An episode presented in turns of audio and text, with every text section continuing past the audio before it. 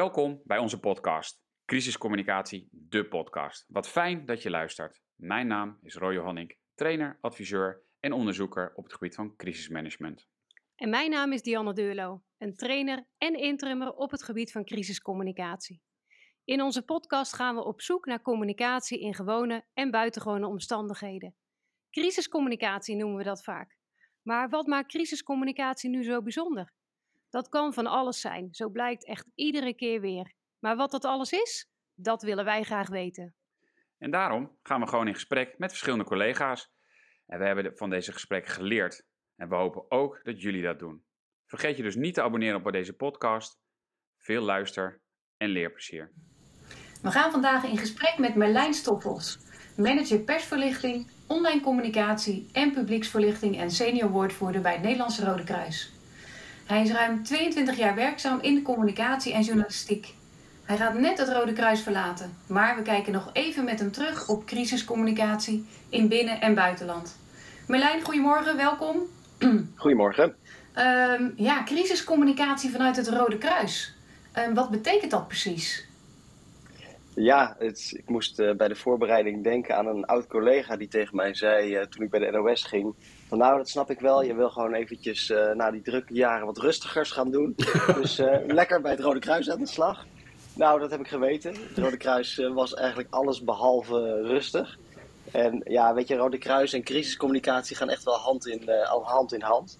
En, um, en dat is natuurlijk ook logisch, hè, want je werkt bij een, een noodhulporganisatie. Dus dan gaat het natuurlijk uh, met name over rampen. Mm -hmm. En uh, voor mij is crisiscommunicatie uh, onverwachte situaties. En dus dat kan zijn inderdaad dat er iets gebeurt in de samenleving of in de wereld wat jou als organisatie raakt.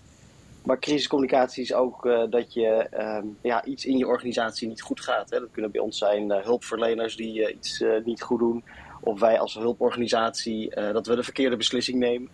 Uh, nou ja, en dan heb je nog de derde groep. En dat, dat is een soort van crisis die je soms zelf uh, kan veroorzaken. En die vind ik natuurlijk het leukste als communicatieman. dus dat je ergens op inspeelt, hè, er gebeurt iets. En daar haak je op in. En dan ontstaat er eigenlijk een soort van communicatiegolf. en um, ja, die zijn natuurlijk interessant. Want dan breng je als organisatie echt iets in, in beweging. Ja, kun je daar een voorbeeld van noemen? Ja, een heleboel voorbeelden. Maar um, we hebben op een gegeven moment die, die reanimatie gehad met Eriksen uh, op, op het uh, veld. Ik weet niet of je dat nog herinnert, een tijdje terug. Ja. En um, dat gebeurde in een weekend. En um, uh, toen, toen hadden we zoiets van, hé, hey, dat is wel interessant. Want in Nederland is de kennis van EHBO en de kennis van de reanimatie heel laag. En nou, daar kun je natuurlijk campagnes op voeren. Maar op het moment dat zo'n zo'n zo'n zo'n discussie in de samenleving leeft... Um, kun je erop inspelen. En we hadden nog een onderzoek liggen met cijfers waaruit bleek dat eigenlijk heel weinig mensen wisten wat ze op dat moment moesten, moesten doen. Dus op dat moment uh, hebben wij uh, dat ook uh, naar buiten gebracht en uitgelegd hoe belangrijk het is. En dan zie je dat er nou ja, een soort van media-hoos ontstaat en mensen over gaan praten. En ook mensen zelf denken, oh ja, maar ik weet het eigenlijk ook niet. dat mensen cursussen zich gaan zich aan, aanmelden voor cursussen. Um, dus, dus dat is een voorbeeld, hè, hoe je, hoe je kan, kan inhaken op iets wat op, op dat moment uh, nou ja, heel, erg, heel erg leeft. Mm-hmm. Maar het kan, ook, het kan ook iets anders zijn. Hè. Ik weet nog een aantal jaar geleden was een enorme tyfoon die onderweg was naar Amerika. En um, ondertussen was ook in, in Bangladesh was er enorm, uh, waren enorme overstromingen. En uh, toen had ik een, een, een, een woordvoerder, een journalist van de NOS aan de lijn. En toen zei ik van joh, het verbaast me eigenlijk zo. Hè? Er, is, er is eigenlijk helemaal geen aandacht voor, voor Bangladesh. Terwijl als je dan kijkt naar uh, het aantal mensen wat daar getroffen is, is dat uh, nou ja, best wel vergelijkbaar. En uh, nou, dat werd ik op een gegeven moment de kop van, van dat nieuwsbericht. Maar ja, vervolgens moest ik nou ja, allerlei studio's af, van Nieuwsuur tot RTL, allerlei kranten wilden interviews over Bangladesh. En daar ging ineens het onderwerp over. En dan kan je op een gegeven moment het kantelen. En, en, en dat is natuurlijk interessant, want dan is er op dat moment ook aandacht voor, voor dat, uh, dat onderwerp. En Merlijn, als ik hem goed samenvat dan, is, is de driedeling is dus, um, er zijn incidenten, rampen waarbij jullie gewoon een, een rol vervullen. Um, en, en, dus ook de communicatie ter hand moeten nemen. Dat is de eerste. De tweede is dan uh, onze medewerkers uh, zijn eigenlijk geraakt door het incident of uh, er zijn verkeerde handelingen gedaan of verkeerde besluiten gedaan vanuit. Dus je bent eigenlijk zelf onderwerp van, van de crisis. En de derde is eigenlijk, um, je monitort, je kijkt wat er in de wereld gebeurt om te kijken waar er een incident of crisis is, om te kijken van wacht eens even vanuit onze maatschappelijke doelstellingen die we hebben, gaan wij nu de communicatie vormgeven. Is, is dat de driedeling? Ja, dat is juist. En ehm, ik heb toen ik manager werd bij het Rode Kruis ook de, de, de, de afdeling zo ingericht dat, er, uh, dat wij wisten op een gegeven moment of konden zien wat er op dit moment speelt in de samenleving. Mhm. Dus we hebben de, de woordvoerders, de, de mensen die met online communicatie bezig zijn op de website, de socials, het webcare team, dat hebben we samengevoegd. En uh, we hebben gezorgd dat we dagelijks ook bij elkaar komen om door te nemen van wat is nou eigenlijk beeldvorming? Wat speelt er in Nederland? Uh, en dan denk je natuurlijk, natuurlijk vooral ook aan het nieuws, maar ook wat online speelt is natuurlijk hartstikke relevant. Uh, want je wil op een gegeven moment heel vroeg al zien van zo'n Black Lives Matter, hey, dat gaat lopen, dat gaat groot worden. Of um, uh, er is heel veel gedoe over, over vluchtelingen. Um, moeten we daar wat mee? Wat leeft er, wat speelt er? En mijn ervaring is wel, als je op die golven meegaat, hè, van, van wat er leeft, wat er speelt, dat je, dat je heel veel kan bereiken. Um, tegelijkertijd ja, moet je ook zorgen dat je dat je, je crisissen voor bent. Uh, of dat je daar goed op, op kan voorbereiden. Nou, ook dat helpt als je elke dag hebben dan een stand-up, neem het even door. Uh, ja, dan heb je echt een actielijstje van uh, wat speelt er nu, wat, waar moeten we mee aan de slag. Mm. Grappig. Mooi. Dus jullie hebben. En, en um, ja, ik, ik denk altijd van, ah, ik weet wel wat het Rode Kruis doet, maar ik ga nu toch twijfelen, merk ik. Wat, wat is eigenlijk, wat voor maatschappelijke doelstellingen hebben jullie voor jezelf? Ja, dat is een goede vraag. Um, um, mensen hebben soms een, een, verschillend beeld van wat het Rode Kruis is, wat het Rode Kruis doet. Hangt ook een beetje van jezelf af.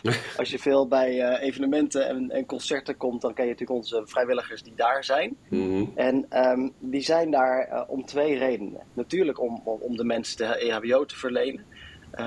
maar bijvoorbeeld zo'n vierdaagse is natuurlijk een hele grote inzet. Mm -hmm. En dat doen we vooral ook om onze mensen getraind te houden zodat ze in een noodsituatie weten hoe ze uh, uh, moeten helpen. En een mooi voorbeeld daarvan is natuurlijk nu die, uh, die coronacrisis, hè, waarbij we massaal mensen helpen bij de inenting, bij het testen, al dat soort dingen. En dan is het heel fijn dat je een hele grote club mensen hebt, EHBO'ers hebt, die op zo'n moment ingezet kunnen worden, getraind zijn, weten hoe ze samen moeten werken, de communicatiesystemen werken. Um, en, en dat weten mensen vaak niet, hè, maar wij zijn auxiliair aan de overheid, dus er is een ramp. En dan heb je de, de brandweer, de ambulances, uh, nou ja, allerlei hulpdiensten komen in actie.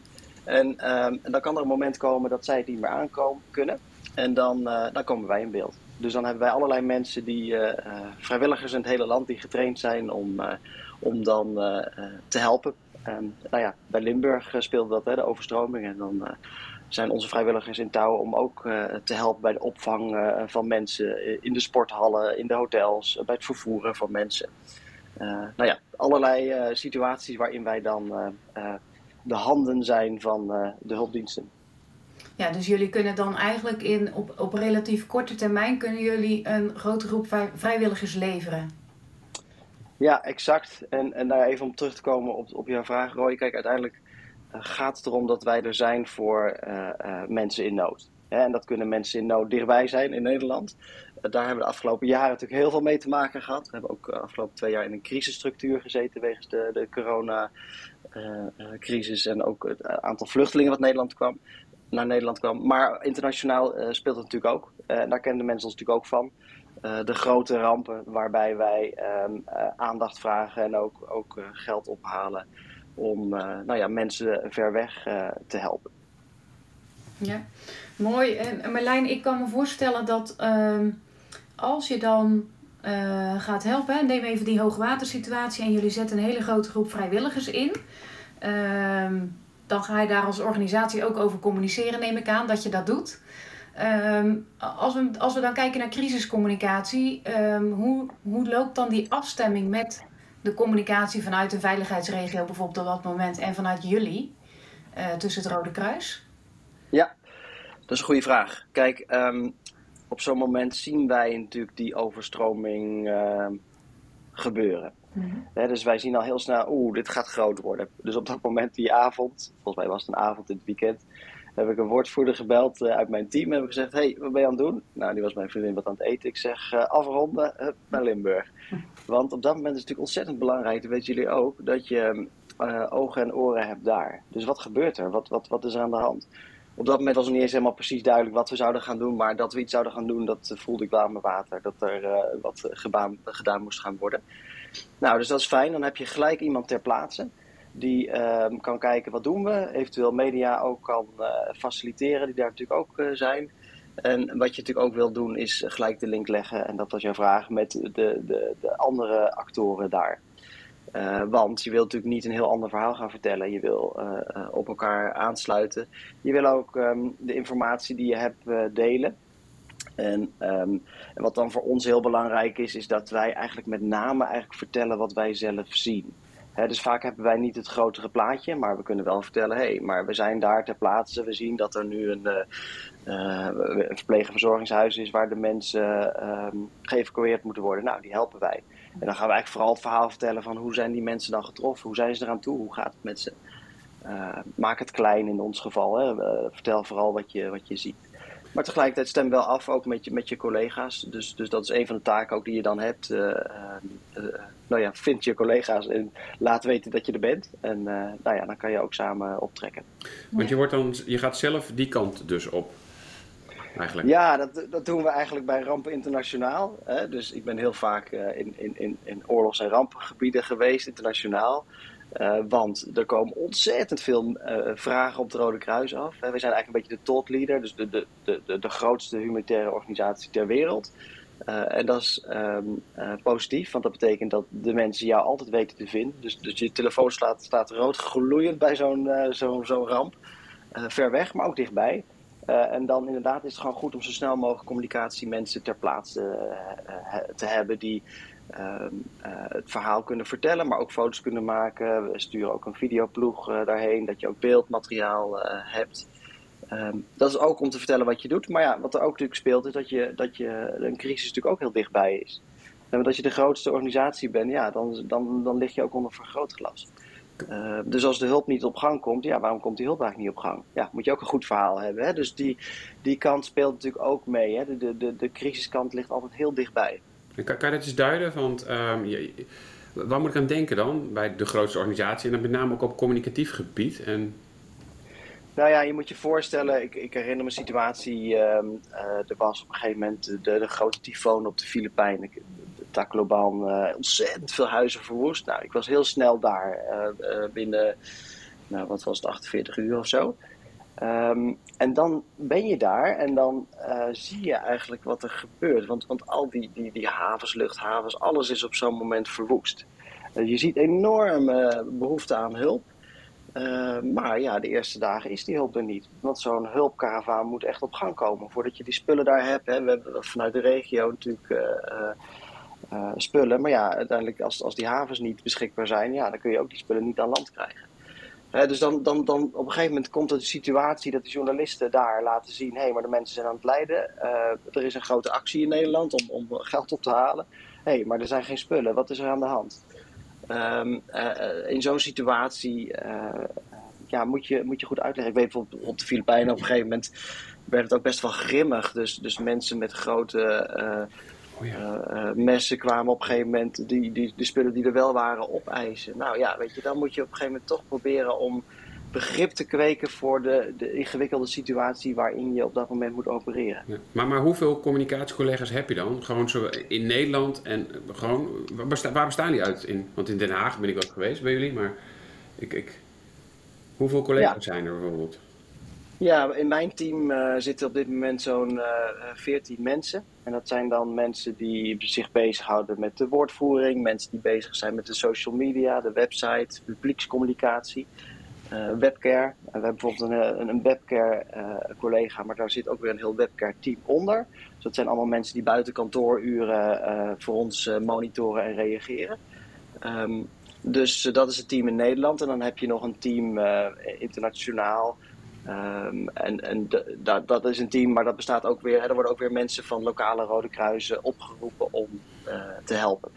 Dus bijvoorbeeld zo'n Filipijnen, dan doe je niet alleen de woordvoering voor het Nederlands Rode Kruis, maar ook voor de internationale uh, collega's, uh, internationale media. Um, dus zo werk je samen, zo train je ook samen. Dus, dus je hebt ook allerlei communicatietrainingen. Waarbij je uiteindelijk van elkaar weet van wat heb je nou nodig aan communicatiemiddelen. Hoe maak je een Q&A, hoe maak je een omgevingsscan. want ja, dat is natuurlijk handig als je daar een bepaalde uniformiteit in hebt. Ja. Hey Marleen, als ik dat zo hoor, een bak aan ervaring en ook een heleboel dingen dus ook zelf meegemaakt. Ehm, zijn er, ik kan me voorstellen dat er meerdere zijn, zijn er incidenten die bij jou enorme indruk hebben gemaakt? Ja, weet je, de, ehm, we hebben het natuurlijk over die rampen, uh, we hebben het over conflicten, dat is natuurlijk altijd heel heftig. Uh, maar ook in Nederland zijn er toch, toch dingen gebeurd die indruk maakten. Hè, een van de dingen die een beetje in het begin van mijn carrière speelde was de, de, grote woede eigenlijk die er was vanuit de, de, de Joodse gemeenschap op het, op het Rode Kruis. Um, en daar, dat is iets natuurlijk al jaren speelt, maar dat was iets wat terug, terugvoert op de Tweede Wereldoorlog. En um, ja, waar, waar het Rode Kruis eigenlijk op dat moment toch niet goed genoeg heeft uh, gehandeld. Hè, dus te weinig uh, afstand heeft uh, genomen van de, de, bezetter op dat moment. Um, en um, daar, daar was de Joodse gemeenschap eigenlijk nog steeds heel veel jaren na dato heel boos over. Als collectanten aan de deur kwamen, ja, dan, dan kregen ze ook best nog wel veel geïrriteerde reacties. En mijn toenmalige baas, Frank Tebbe, hoofdcommunicatie, en, en de directeur Kees Bredeveld, hebben toen ook gedacht: hier moeten wij wat mee. Want we zijn toen tekortgeschoten. We hebben toen niet de, de hulppakketten gebracht naar de, de, de, de, gevangenissen. We hebben de mensen niet goed opgevangen als Rode Kruis. Um, nou ja, en dan, dan is het interessant, hè? Want, want, want dan moet je eigenlijk in gesprek gaan met, met, met op dit moment de, Joodse gemeenschap om te kijken van wat, waar zit die woede nou precies. Mm. Uh, en toen hebben we ook een uh, groot onderzoek gestart samen met NIOT, een boek uh, geschreven, onderzoek gedaan naar wat was nou eigenlijk precies die rol van het Rode Kruis. Nou, zonder nou al te diep in te duiken op, op die materie wat, wat mij heel erg raakte was die boosheid die er nog zat. Bij, bij, de generatie, ook de tweede generatie nog. Hè, de kinderen van de mensen die uh, toen uh, eigenlijk door het Rode Kruis in de steek uh, gelaten waren. En wat heel belangrijk was hierin is, is terugkijken, maar ook, ook leren. Hè, dus dus, dus um, ja, wat, wat, ga je als Rode Kruis nu doen om te voorkomen dat je, dat je opnieuw in zo'n situatie belandt Um, dat je um, ja, eigenlijk te dicht op de overheid zit en niet je neutrale, onafhankelijke rol kan uh, uh, waarmaken. En, en dat is iets wat we ook in de, de inwerkprogramma's dus, dus meenemen. Uh, we hebben ook ethische discussies over van ja, weet je, er gebeurt iets. hoe handelen we? Hè? handelen wij nu echt neutraal onafhankelijk of, of laten we ons toch meeslepen door wat, wat overheden uh, beslissen en doen. En dat is een ingewikkelde rol, hè, want we zijn auxiliair, hè, dus we zijn ondersteunend. Tegelijkertijd moet je als organisatie ook af en toe zeggen: ja, maar hé, hey, wij kijken even vanuit onze humanitaire bril hiernaar. En wij vertegenwoordigen eigenlijk de mensen die getroffen zijn. Hè, dat doen we door te helpen, maar dat doen we ook door hun stem te laten horen. Ja, die onafhankelijke rol moet je, moet je pakken en dat schuurt soms. Hm. Um, maar goed, wij zijn ons door zo'n situatie in de Tweede Wereldoorlog, uh, zijn we ons heel erg bewust van deze, uh, uh, deze rol. En bijvoorbeeld in de vluchtelingencrisis speelde dat ook. Hè? Dan, dan, dan zien wij eigenlijk, hey, die opvang is eigenlijk helemaal niet, niet, niet goed genoeg. Ja, dan, dan moet je toch de discussie hebben uiteindelijk met, met, met de autoriteit van hey, wij, wij zijn daar, wij zien dit. Um, uh, ja, wij gaan het gesprek daarover hebben. Maar als wij op een gegeven moment toch echt zien dat daar niet een verbetering komt, zullen wij ook daar naar buiten over moeten uh, treden. Want dat is ook onze taak, zeg maar. Nou, dus dat, dat is een van de dingen die best wel uh, indruk heeft gemaakt. Ja, dus je bent echt ook een kritiekaster, noem ik hem maar even. bij de, ja, bij de, de humanitaire hulp die je biedt, zowel in binnen- als buitenland dat we er ook vanuit mogen gaan dat jullie daar ook oog voor hebben. En dat de schrijnende situatie die je tegenkomt, dat je daar in ieder geval dat je dat eerst eens even netjes signaleert, noem ik het dan maar. En daarna ook zegt van, uh, ja, als, als jullie er niks aan gaan veranderen, dan zullen we toch uh, hierover naar buiten moeten treden. Ja, dat is soms complex, hè? Want, want ik ben in Syrië bijvoorbeeld heel veel keer geweest. En dan zie je eigenlijk dat, dat um, ja, je ene kant heb je de, de overheid nodig, hè? Want je wil je hulp verlenen daar uh, de mensen helpen. Maar aan de andere kant moet je ook een bepaalde afstand hebben, want je wil ook bijvoorbeeld in die oppositiegebieden kunnen helpen. Mhm. En dat betekent ook dat je moet zeggen, ja luister, wij werken nu hier in overheidsgebied, maar we willen ook in die oppositiegebieden toegang en daar hebben we ook jullie voor nodig om dat te doen. Uh, nou, die belangen die, die botsen best wel eens, maar op het moment dat je daar niet zorgvuldig in bent, um, dan raak je het vertrouwen van uh, de donateurs kwijt. Maar wat ook gebeurt is dat je, je, je mensen in gevaar lopen. Want jouw mensen die worden op een gegeven moment uh, uh, bedreigd. Want ze zeggen ja, maar jullie helpen alleen maar een deel van de bevolking. Of jullie helpen alleen maar een deel van het land. Ja. Nou ja, dat, dat wil je voorkomen. Dat mag nooit gebeuren.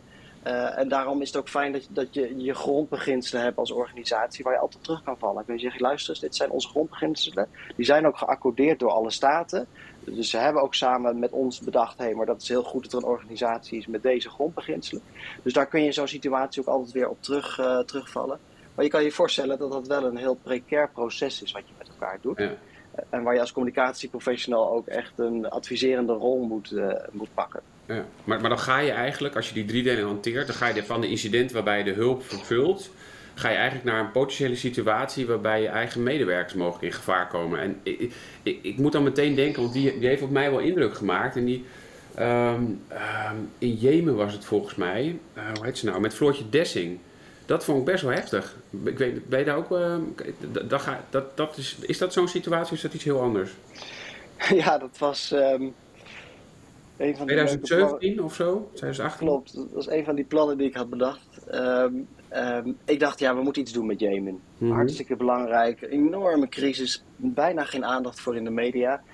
En ik had bedacht, hé, hey, dat is, wat is er nou mooier als we daar een soort van einde van de wereld uh, kunnen opnemen samen met Floortje Dessing. Oh ja. En uh, nou ja, iedereen verklaarde mij voor gek. Want ja. uh, dat, dat gaat niet lukken. Maar goed, als het niet gaat lukken is het des te interessanter natuurlijk. en nou, na heel veel voorbereidingen en na heel veel um, uh, gesprekken um, kon dat toch doorgaan. En, en, konden wij met, met Floortje inderdaad afreizen naar, naar Jemen. En de enige manier om daar te komen was ook met Rode Kruis vliegtuigen. Want voor de rest waren de luchthavens daar dicht. En um, nou, alle veiligheidsmaatregelen, alles gedaan om te zorgen dat we daar een goed bezoek zouden kunnen hebben. En toen hadden we pech, want um, in de compound waar wij zaten, ineens om die compound brak, die, brak die oorlog uit. En nou ja, op zich voor het Rode Kruis is dat niet iets wat ongebruikelijk is, want dat, dat gebeurt. En je bent in contact met alle strijdende partijen en, en, en we hebben ons embleem. En dat embleem staat ook op het dak en dat geeft ook een bepaalde Um, uh, veiligheid, want, want strijdende partijen weten over het algemeen dat ze niet mogen schieten op hulpverleners die dit embleem dragen. Maar tegelijkertijd, ja, je bent er dan wel met een bekende Nederlander. En um, er waren ook een aantal journalisten op de hoogte van het feit dat zij af zou reizen naar Jemen. We hadden wel afgesproken, we houden het stil. Maar goed, ze waren op de hoogte en zouden later nog een keer met haar een interview doen om over de situatie te praten. Nou ja, die kwamen erachter dat, dat wij daar vast zaten. En dan krijg je een heel bizarre situatie, want dan word je ineens een soort van uh, onderdeel van zo'n zo'n media-hype. Want, want, iedereen leeft natuurlijk mee met Floortje. Hè? Uh, hoe gaat het met haar? Hè? Dus, en dan krijg je ook de hele journalistiek hè, van, van de serieuze journalistiek die aandacht ook geeft aan het probleem, maar ook nou ja, wat meer de media-achtige journalistiek die ook, ook hè, vooral aandacht hebben voor Floortje Dessing en haar situatie. Nou, gelukkig liep dat goed af. Dat werd ook heel strak georganiseerd door het Internationale Rode Kruis. Uh, en zij wisten eigenlijk een soort van um, staakt het vuren te onderhandelen, zodat wij dat gebied konden verlaten. Duurde al een aantal dagen. En, nou, was echt wel heel heftig. Um, maar daar heb ik ook wel geleerd, en, en dat vind ik gewoon ontzettend belangrijk, is dat je open en transparant bent. Dus dus uh, um, ja, weet je, vertrouwen komt eh, te voeten gaat gepaard, zeggen ze. En dat is natuurlijk ook echt zo. Hè? Dus, dus, dus journalisten moeten ervan op aankunnen dat wat jij zegt betrouwbaar is. Tegelijkertijd ben je wel selectief in je informatie. Hè? De informatie geef je op een moment uh, niet en die kun je op een later moment wel geven. Maar je wil ook niet dat er paniek ontstaat. dus daar ben je wel heel erg bewust mee bezig op zo'n situatie. Ja. Als ik dat zo hoor, dan, dan vraagt het van jullie ook een enorm ehm, zeker als je naar andere landen gaat, een enorm aanpassingsvermogen en enorm goed de cultuur van een ander land kennen. En de gebruiken. En ik denk dat er heel veel aan vooraf gaat, aan zo, voordat je daar ook naartoe gaat. Klopt dat, zo'n heel, uh, een hele voorbereiding? Zeker, zeker. Er zijn natuurlijk heel veel cultuurverschillen. Ik weet nog dat ik op een gegeven moment uh, in Syrië interviews aan het doen was. En ik wist dat er heel veel mensen honger hadden daar. Maar ja, ik was die mensen aan het interviewen daar, allerlei moeders. En ik stelde steeds van, goh, hebben jullie honger? En elke keer zei ze, nee, Nee, hebben we niet. Dus ik denk, nou wat gek na het vierde interview. Dit, dit, is toch vreemd? Want ja, ik weet toch zeker dat ze te weinig eten hebben. Dus ik uh, ook eh, in gesprek met lokale Rode Kruis is natuurlijk altijd fijn, hè, want je hebt altijd lokale mensen bij je. Van goh, hoe verklaar jij dit antwoord? En nou, daar in de cultuur ga je nooit als moeder zeggen: hé, hey, uh, wij hebben honger, want dan faal je als, als ouder. Oh, ja. um, dus die gaf me ook aan: ja, maar je kan veel beter die en die vraag stellen. En dan, nou ja, heb je oké. Okay, uh, uiteindelijk kwamen daar hele interessante, mooie, mooie verhalen uit. Uh, maar goed, je hebt natuurlijk inderdaad heel veel. veel um, dit is natuurlijk gewoon op persoonlijk niveau, maar je moet ook op politiek niveau kijken. Wat zeg je en welke impact heeft dat? dus daar moet je inderdaad heel, heel voorzichtig in opereren. En ook daar geldt, ja, weet je, je, kent als je in zo'n situatie bent bij een rampgebied of conflictgebied, je kent niet het, het, grotere plaatje. Dus je moet je vooral baseren op wat, wat heb jij gezien, wat heb jij meegemaakt, wat heb jij gehoord. En dan kun je ook eigenlijk niet zoveel fout uh, doen in zo'n situatie. Nee, dus, want dat, dat wilde ik vragen van hoe doe je dat? Hè? Want dat lijkt mij zo ingewikkeld met al die belangen, die tegenstellingen rekening houden. Maar ik hoor jou nu eigenlijk zeggen, dat doe je onder andere door bij jezelf te blijven. Door bij jezelf te blijven in wat je hebt gezien, wat je, uh, wat je voelt, ervaart en dat je daar dan over kan vertellen. Ja, exact. Ja. Dat is, dat is de, de manier waarop je dat uh, het beste kan doen. En ik denk dat ook, uh, en dat is natuurlijk een beetje een andere kant van, het van de zaak, hè. Je, je bent de ogen en de oren van een organisatie. Ik zie ook een communicatieprofessional als iemand die eigenlijk een beetje tussen de organisatie en de maatschappij instaat. En die onafhankelijke uh, rol uh, moet je ook vervullen. Dus als je dingen ziet dat je denkt, ja, maar dat is toch eigenlijk niet helemaal goed. Of dan moet je dat ook bespreekbaar maken in je organisatie. En moet je daar ook aandacht voor, voor vragen. En dat is best een ingewikkelde rol. Um, want dat wordt je niet altijd in dank afgenomen hè, als communicatieprofessional. tegelijkertijd moet je proberen om, om, om dat zo in te richten dat mensen wel de ruimte hebben om, om nou ja, te horen welke uh, risico's er zijn, uh, wat er speelt, wat er leeft. Ja. ja. En dat kunnen jullie dus alleen doordat je ook ehm, gewoon elke dag die analyse maakt, die omgevingsanalyse, die stand-up doet, elkaar steeds meeneemt in wat leeft en speelt er. Dus dat is ook denk ik een belangrijke tip voor andere communicatiemensen, zeg maar. Ja, dat vind ik een belangrijke. En wat ik dan ook belangrijk vind, is, is creëren een soort setting waarbij uh, um, uh, je het gesprek op een goede manier kan voeren met je management of met degene om wie het gaat. En want vaak zit er natuurlijk heel veel gevoeligheid bij. Hè? Mensen die voelen zich aangevallen, hè? want ja, goh, ze hebben het niet goed gedaan. Of um, mensen hebben ook wel angst hè, voor, voor wat er komen gaat in zo'n crisis. Hè? Want het kan natuurlijk best ineens heel groot worden. En wat ik dan fijn vind is om, om een sessie te organiseren en zeg ik, luister, we gaan nu gewoon alles op tafel gooien. Uh, uh, wat, er, wat er aan vragen zou komen, wat er aan issues zou kunnen zijn. En um, uh, voel je niet aangevallen, maar laten we gewoon eens met elkaar gewoon allemaal, en doen jullie mee. Gaan jullie ook gewoon eens even bedenken, wat zou er allemaal voor kritische vragen kunnen komen? Nou, als je die hele lijst hebt, kan je daarna kun je aan de slag met het, het vinden van antwoorden. Maar probeer eigenlijk een setting te vinden waardoor je niet zozeer die, die, die bedreiging hebt. En een andere manier wat ik heel belangrijk vind is om, um, als het soms wat lastiger is, om gewoon te beginnen. Dus dan zeg ik wel eens van ga gewoon, laten we gewoon zelf even die Q&A vastmaken. Laten we eens even aan de slag gaan met die kernboodschap. Dan hebben we in ieder geval een soort van discussiestuk. En op basis van dat discussiestuk kunnen we dan uh, het gesprek gaan voeren. En ook dat werkt soms lekker. Hè? Want dan heb je even een soort van basis waarop je, waar mensen even rustig naar kunnen kijken, even op zich in kunnen laten werken. En dan kun je de vervolgstap zetten en zeggen: hé, hey, maar oké, dit heeft uh, uh, dit tot gevolg en nu kunnen we het beste deze, deze weg gaan bewandelen. Ja. Is in Nederland het vooral opvang en verzorging wat jullie doen vanuit Rode Kruis bij incidenten of ben ik dan te kort door de bocht? Jee, dat is van alles en nog wat. Hè? Dus, dus um, als je naar deze coronacrisis uh, uh, kijkt, ja. um, uh, zaten wij twee jaar lang in die crisismodus, omdat wij zoveel verschillende dingen deden. Um, dat, hè, we hebben het natuurlijk net al even over de gezondheidskant gehad. Hè, dus het was het vaccineren, uh, dat soort zaken. Maar bijvoorbeeld ook in de ziekenhuizen en de verpleeghuizen was er ondersteuning nodig. Onze vrijwilligers hebben daar geholpen om de verpleegkundigen te assisteren, waarbij natuurlijk het werk overliep.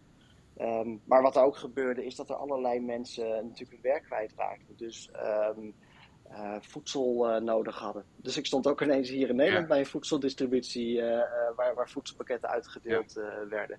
Maar ook de psychosociale kant. Hè. Uit onze analyse kwam op een gegeven moment dat we zagen dat jongeren heel erg lijden onder die, de, de, de coronacrisis omdat ze door die maatregelen ontzettend beperkt werden. Nou, dachten wij, als we dat zien, dan gaan we daar wat onderzoek naar doen. Dus we hebben ook allerlei jongeren bevraagd. En uh, toen kwamen we eigenlijk erop uit dat, dat ze heel veel moeite hadden met de dagbesteding, allerlei andere psychische problemen hadden. Dus uh, op basis daarvan hebben wij een, een, een, communicatiecampagne opgezet. Skip de coronadip hebben we dat genoemd. Mm -hmm. En um, nou ja, zijn we eigenlijk de afgelopen twee jaar lang daarmee bezig gegaan. Omdat dat ook een van onze vakgebieden is. Uh, advies geven aan de jongeren. en dan online vooral het gesprek ook aangaan met die jongeren. Van hey, hoe, hoe, hoe, hoe vul jij je dag in? elkaar tips geven. En nou ja, op zich was het een hele mooie uh, campagne, want je zag dat je daar ook echt verschil kon, kon maken. Dus nou ja, de, de, de, de, de hulpverlening die we hebben gedaan was eigenlijk heel uh, gevarieerd. Maar eigenlijk, dat hoor ik eigenlijk zeggen, maar het is het opvangen van mensen en daarmee voorzien in primaire leesbehoeften, bed, bad en brood. Maar ook de medische en psychosociale verzorging. Als je het heel bazaal, daar zit alles in wat jullie, jullie kunnen daar eigenlijk overal een rol vervullen. Ja, en dan moet je uiteindelijk natuurlijk wel kijken van hoeveel capaciteit heb je. Hè? Want, want vaak ook, uh, uh, ja, dit werd, op een gegeven moment werd het heel groot. Hè? Dus je moet dan ook weer zorgen dat je genoeg mensen hebt. Dus wat wij op een gegeven moment in de loop van de jaren gedaan hebben, zegt, hey, we hebben dus een vaste kern van vrijwilligers. Maar wat we ook hebben gedaan is een ready-to-help netwerk opgezet. En dat is een soort netwerk van mensen, die burgers, die zeggen, hey, we willen best wel wat doen. Um, maar ik kan niet structureel helpen. Nou, we hebben een systeem uh, waarbij we dus mensen in een bepaalde regio kunnen, een bericht kunnen sturen. Hey, we hebben in jouw regio hebben we dit of dat aan hulp nodig. Allerlei kleding moest uitgezocht worden voor, voor vluchtelingen die naar Nederland kwamen. Nou, dan stuur je wat uh, berichtjes en dan heb je een teamleider erbij. En dat heeft, onze, um, dat heeft ons ontzettend versterkt. En daardoor kun je weer heel snel opschalen. en met mensen die dan op dat moment beschikbaar zijn om, nou ja, bij wat voor crisis er dan ook is. Eh, wij spreken ook, het kan ineens een dijkdoorbraak zijn dat er zandzakken ge, gevuld moeten worden. Nou, op dat soort situaties kun je ook uh, deze mensen oproepen en uh, aan de slag. En dat netwerk groeit ook heel snel. Dus je ziet dat er ook een grote nou ja, behoefte is bij mensen om, om, om niet alleen geld te geven, maar ook om echt iets te doen, om de handen uit de mouwen te steken. En dat zagen we bijvoorbeeld ook in het begin van de crisis. Uh, want toen waren mensen die in quarantaine zaten, oudere mensen, die kwamen eigenlijk een beetje in de problemen, want ze konden geen boodschappen halen. Ze hadden, uh, nou ja, je hond uitlaten, allerlei praktische problemen liepen ze tegenaan. Nou, toen hebben we een soort van netwerk opgezet waarbij mensen ons uh, konden bellen, let op elkaar netwerk. En um, nou, toen hebben we dit, dit, de, de Ready to Helpers ook ingezet om gewoon langs de deuren te gaan. Dat was hartstikke mooi, hartstikke praktisch. En die mensen waren daar op dat moment heel, heel erg mee geholpen. Ja super mooi. Um, Merlijn, ik heb ook, uh, want ik kijk naar de tijd, hè. we hebben het uh, nog wel even hoor, we hoeven nog niet af te ronden, maar ik wil echt één ding uh, aan je vragen voordat we afronden. want dat wil ik al zo lang weten. Um, jullie hebben Ik Ben Veilig. Um, dat is een soort ja, communicatiemiddel, een soort optie om te laten weten dat je oké bent als je betrokken bent bij een, ja, bij een risicovolle situatie. Um, toch vind ik dat soms nog wat onduidelijk. Hoe werkt dat nu precies? En um, hoe verhoudt zich dat ook weer tot andere middelen van, van een gemeente, waarin je bijvoorbeeld ook kan laten weten dat je in orde bent? Kun je daar wat over vertellen?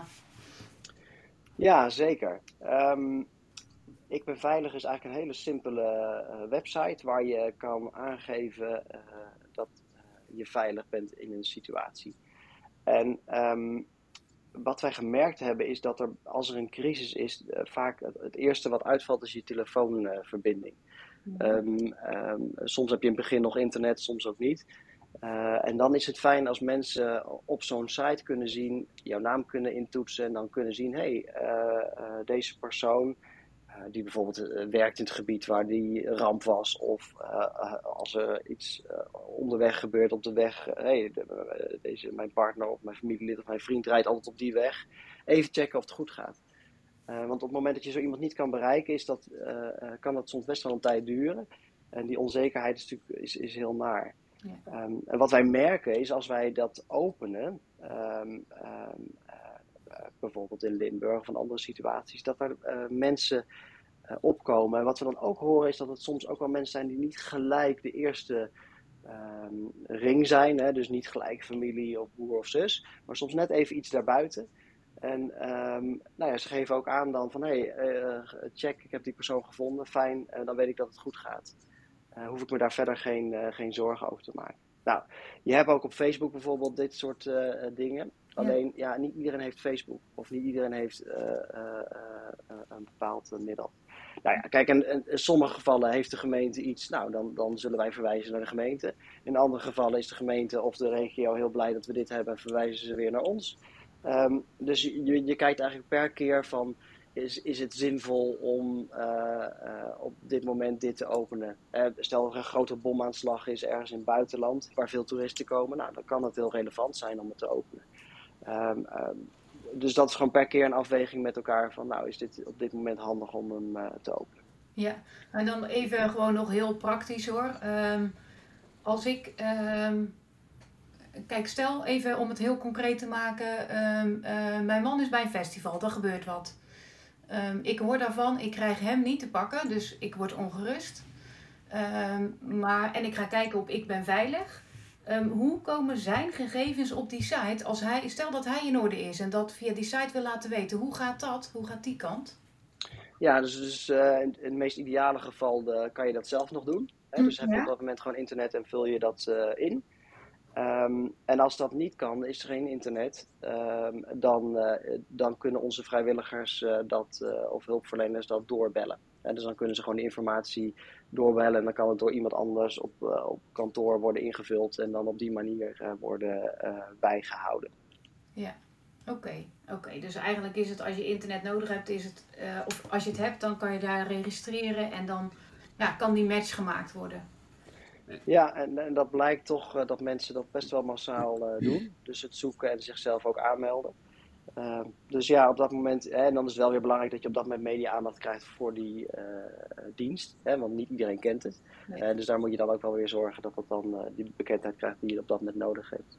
En, en kan het ook zo zijn dat je het inzet zonder afstemming met, nou ja, met, met de gemeente of met, de, met de regionale kiesorganisatie waarvoor je werkt? Ja, zeker. Eh, in principe uh, werken we onafhankelijk, dus dat kan altijd. Maar mijn ervaring is wel dat het gewoon goed is om dat samen even op te pakken. Dus gewoon sowieso moet je even snel, uh, even snel, gewoon belangrijk om contact te leggen hè, met je collega, communicatiecollega daar. Mm -hmm. want die heb je sowieso nodig om af te stemmen. En, en dan is het ook fijn dat zij weten van hé, hey, wij hebben het plan om dit te, te openen. Uh, tegelijkertijd moet je ook soms snel zijn. Hè? Dus je moet soms ook, ook uh, uh, snel handelen, dat mensen ook snel die, die duidelijkheid hebben. Ja, en dat kan dan anders wel eens met elkaar in het geding zijn, zeg maar. Dat, je, dat de overheid denkt, jeetje, Rode Kruis, waarom doen jullie dit nu? Want dat, dat verstoort ons. Heb je, heb je die gesprekken wel eens gehad of is dat nooit gebeurd nog?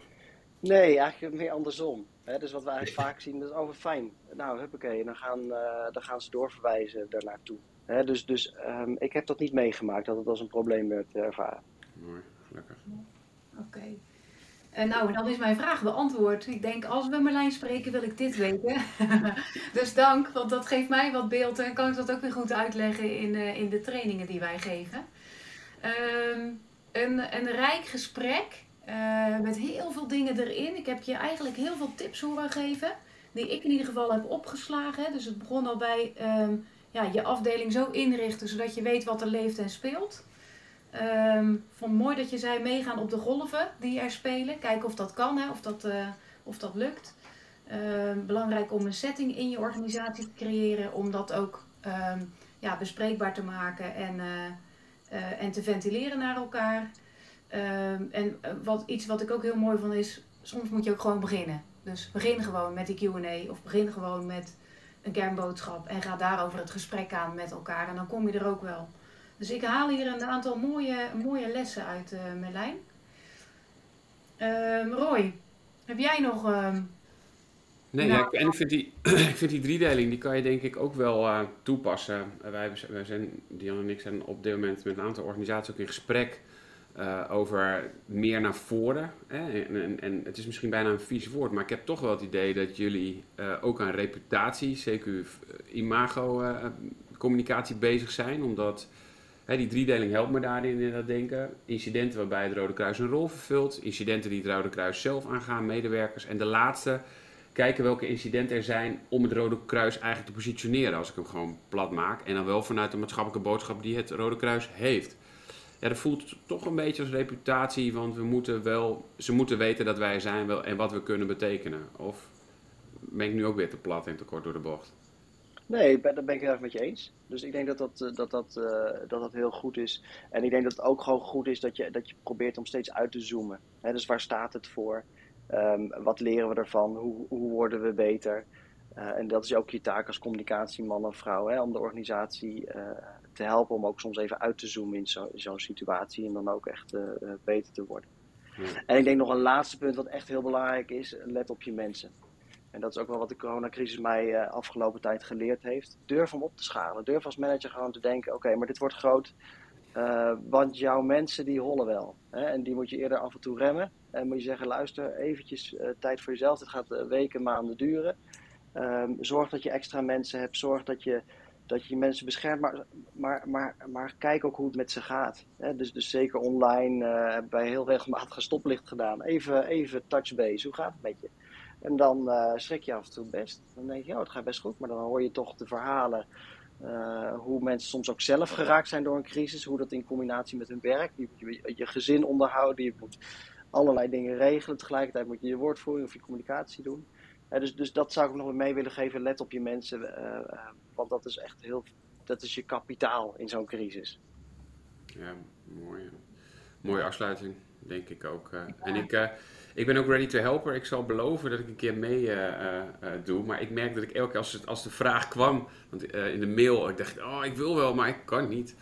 Uh, en, en dat past ook wel bij ons. Uh, Jan en ik wijken wat af van de traditionele crisiscommunicatiedoelen. Dit past heel erg bij het vierde doel dat wij zien, namelijk het.